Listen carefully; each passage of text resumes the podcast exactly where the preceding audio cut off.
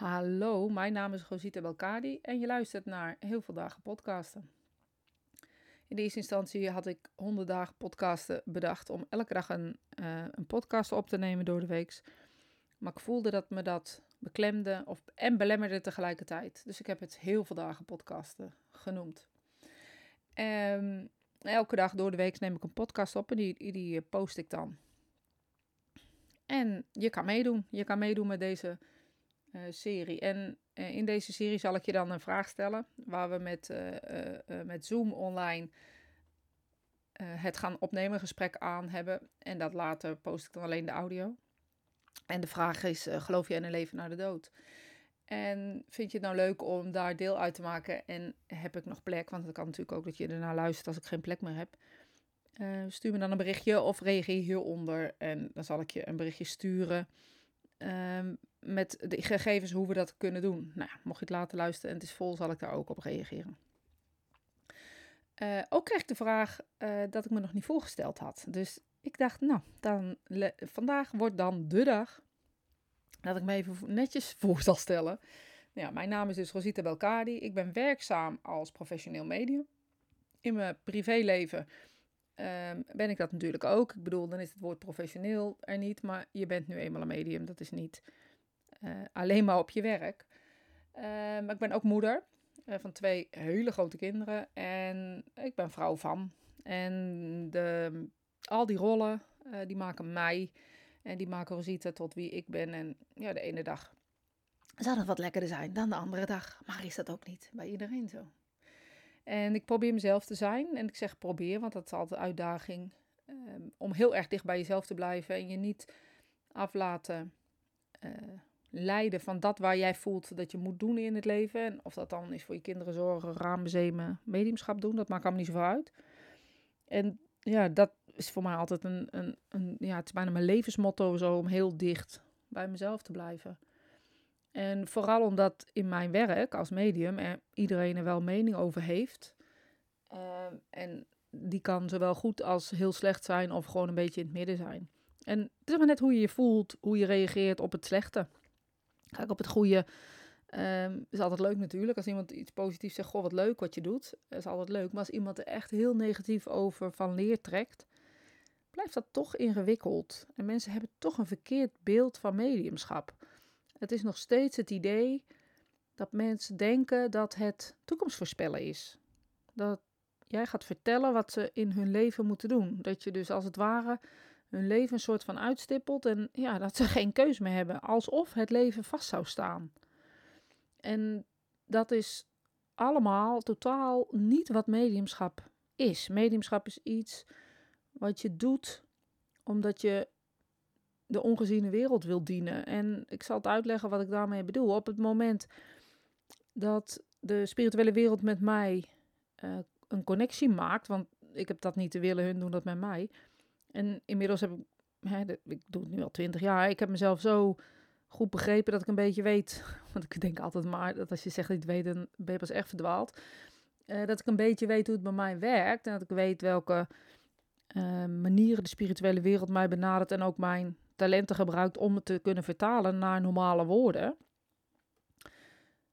Um, heb ik daarmee om leren gaan um, wat mediumschap zeg maar is. En, en, weet ik ook dat de spirituele wereld een wereld is die we laten weten, we zijn er nog.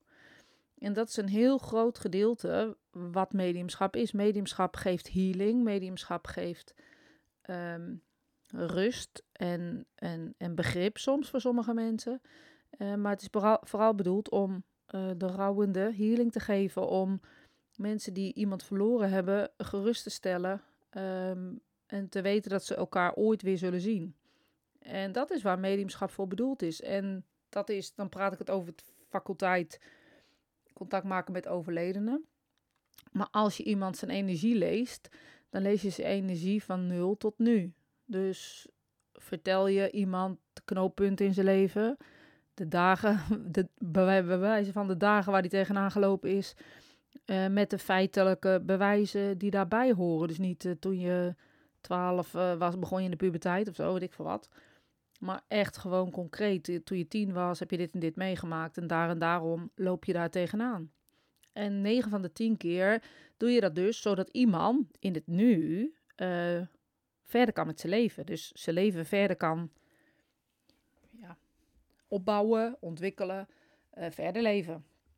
En dat, is, dat noemt men dan een psychic reading. Dan verbind je jezelf met de energie van de ander. En in een psychic reading doe je dus vertellen over het nul en nu van iemand. Waarom loopt iemand tegen dingen aan? Waarom handelen ze wat ze doen? Waarom doen ze wat ze doen? Nou ja, et cetera. Uh, daarin zeg je niet, ga morgen maar je huis verkopen en uh, bla bla bla. Je kan wel zeggen in, in dat soort voorbeelden van... Um, het kan zijn dat er verlangen is om een huis te kopen. Um, weet ik van wat. Of um, je hebt iemand... Ik, las, uh, ik, hoorde laatst van een podcast van Mark-Marie Huibrecht bijvoorbeeld... dat een, een zogenaamd medium op een kermis had gezegd... je baart drie kinderen. Het is een man, dus die kan ten eerste niet baren... Uh, maar waarschijnlijk is er altijd verlangen voor kinderen krijgen geweest. En is het verlangen opgepikt uh, door. Tenminste, nou, nou, praat ik het soort van goed. Ik weet natuurlijk niet wat er gebeurd is. Maar um, dat het verlangen er was om kinderen te krijgen. Of is om kinderen te krijgen.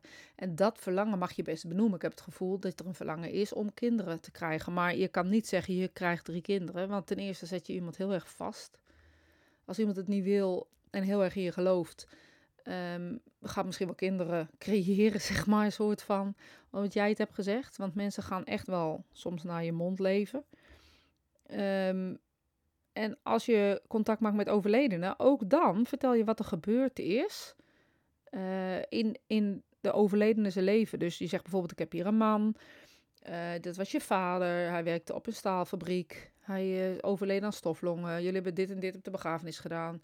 Jullie gingen altijd naar Spanje, naar een plaatsje. En jullie hadden altijd een witte caravan met groene bloemetjes. Um, nou, ik kan nog, nog wel een uur doorgaan of zo. En dit is wat je doet als medium. En bij het afsluiten van zo'n gesprek geef je een mooie boodschap. Hij mist je, hij is er voor je, hij zorgt voor je. Hij weet van je keuzes om kinderen te willen. En hij volgt je op de voet, want hij hoopt dat het lukt. Weet ik veel wat, zoiets.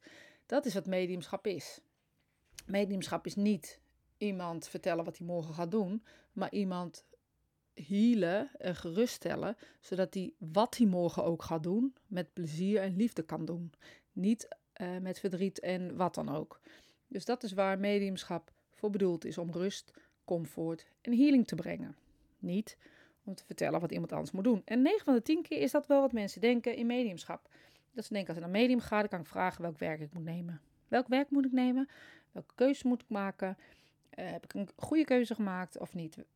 Maar we vergeten dat we het allemaal zelf moeten doen. En het medium, als die naar behoren werkt, dit soort dingen dus doet. Gewoon je vertelt waar je tegenaan loopt. En de mogelijkheden laat zien in jou, hoe je die mogelijkheden buiten jouzelf aan kan pakken. Dus mediumschap is een, een tool om, net als coaching of uh, wat dan ook, om de persoon verder te helpen zonder dat je handvatten geeft. Um, om verder te gaan, maar puur zelf doen. Nou, dat is een heel lang verhaal om te vertellen wat mediumschap is. Maar het was ineens, uh, was het er. En dan voel ik de behoefte.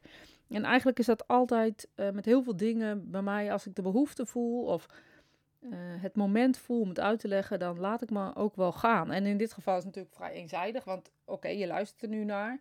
Maar ik zit het in te spreken.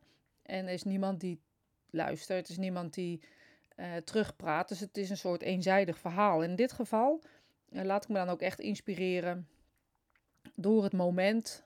En de kunst is, uh, mocht je zelf podcast maken en vind je het moeilijk, of willen maken en vindt het moeilijk. De kunst is om uh, gewoon door te praten en niet te luisteren wat je nou helemaal zegt. Want op het moment dat je nou gaat luisteren, uh, dan, dan ga je er wat van vinden, ga je ook stoppen met praten. In het begin, toen ik net begon met podcast opnemen, had ik nog wel eens de neiging om ze uit te zetten en weg te doen. Ik denk dat ik er wel, wel, wel 50 heb weggegooid. Um, gewoon omdat ik dan dacht, het is niet goed genoeg. Nou, met deze heel lang, lekker lang podcasten ga ik dat dus niet doen. Ik ga gewoon opnemen wat er in dit moment is. En uh, wat er op dit moment eh, gedeeld gaat worden door mij. En um, ik neem het op en ik, ik, post het, dus ik ga het ook niet uh, verwijderen. Ga ik gewoon niet doen. dus mocht je nou ergens um, mee willen doen aan de podcast. Maar het kan ook zijn dat je zegt, nou Rosiet, ik wil eigenlijk wel, uh, zou het leuk vinden als je is, dit uh, hierop reflecteert of deze vraag beantwoordt. En nou ja, ik voel daar inspiratie bij, dan zal ik dat zeker doen.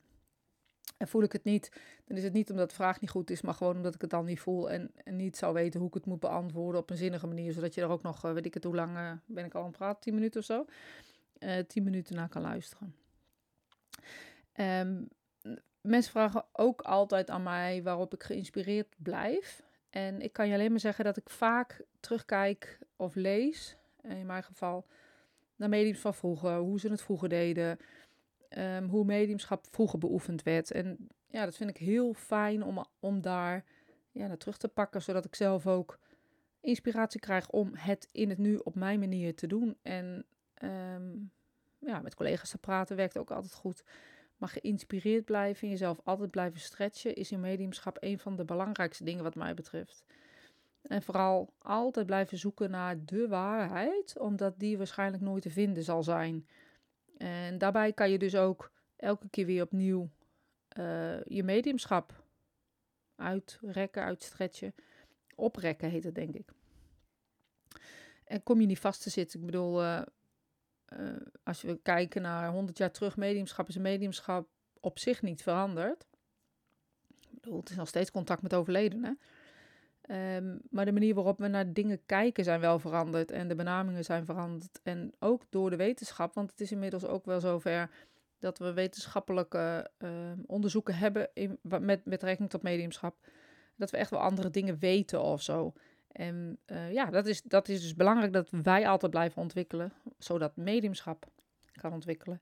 En zodat, nou ja, misschien wel meer mensen ermee bezig gaan en beseffen uh, dat er een leven na de dood is. Dat ik kan alleen maar zeggen, mijn leven is er in ieder geval mooier van geworden. Um, nou, ik wens je eigenlijk nog een hele fijne dag. En ik hoop uh, dat je doet waar je hart van in de fik gaat. Dat je blij bent en blij wordt van dat wat je doet. En met, met, je, met wie je het doet of met wat je het doet. En dat wat het ook is. En maakt echt helemaal niet uit. Maar dat je het doet met heel je hart. Dus nogmaals, een hele fijne dag en uh, tot snel.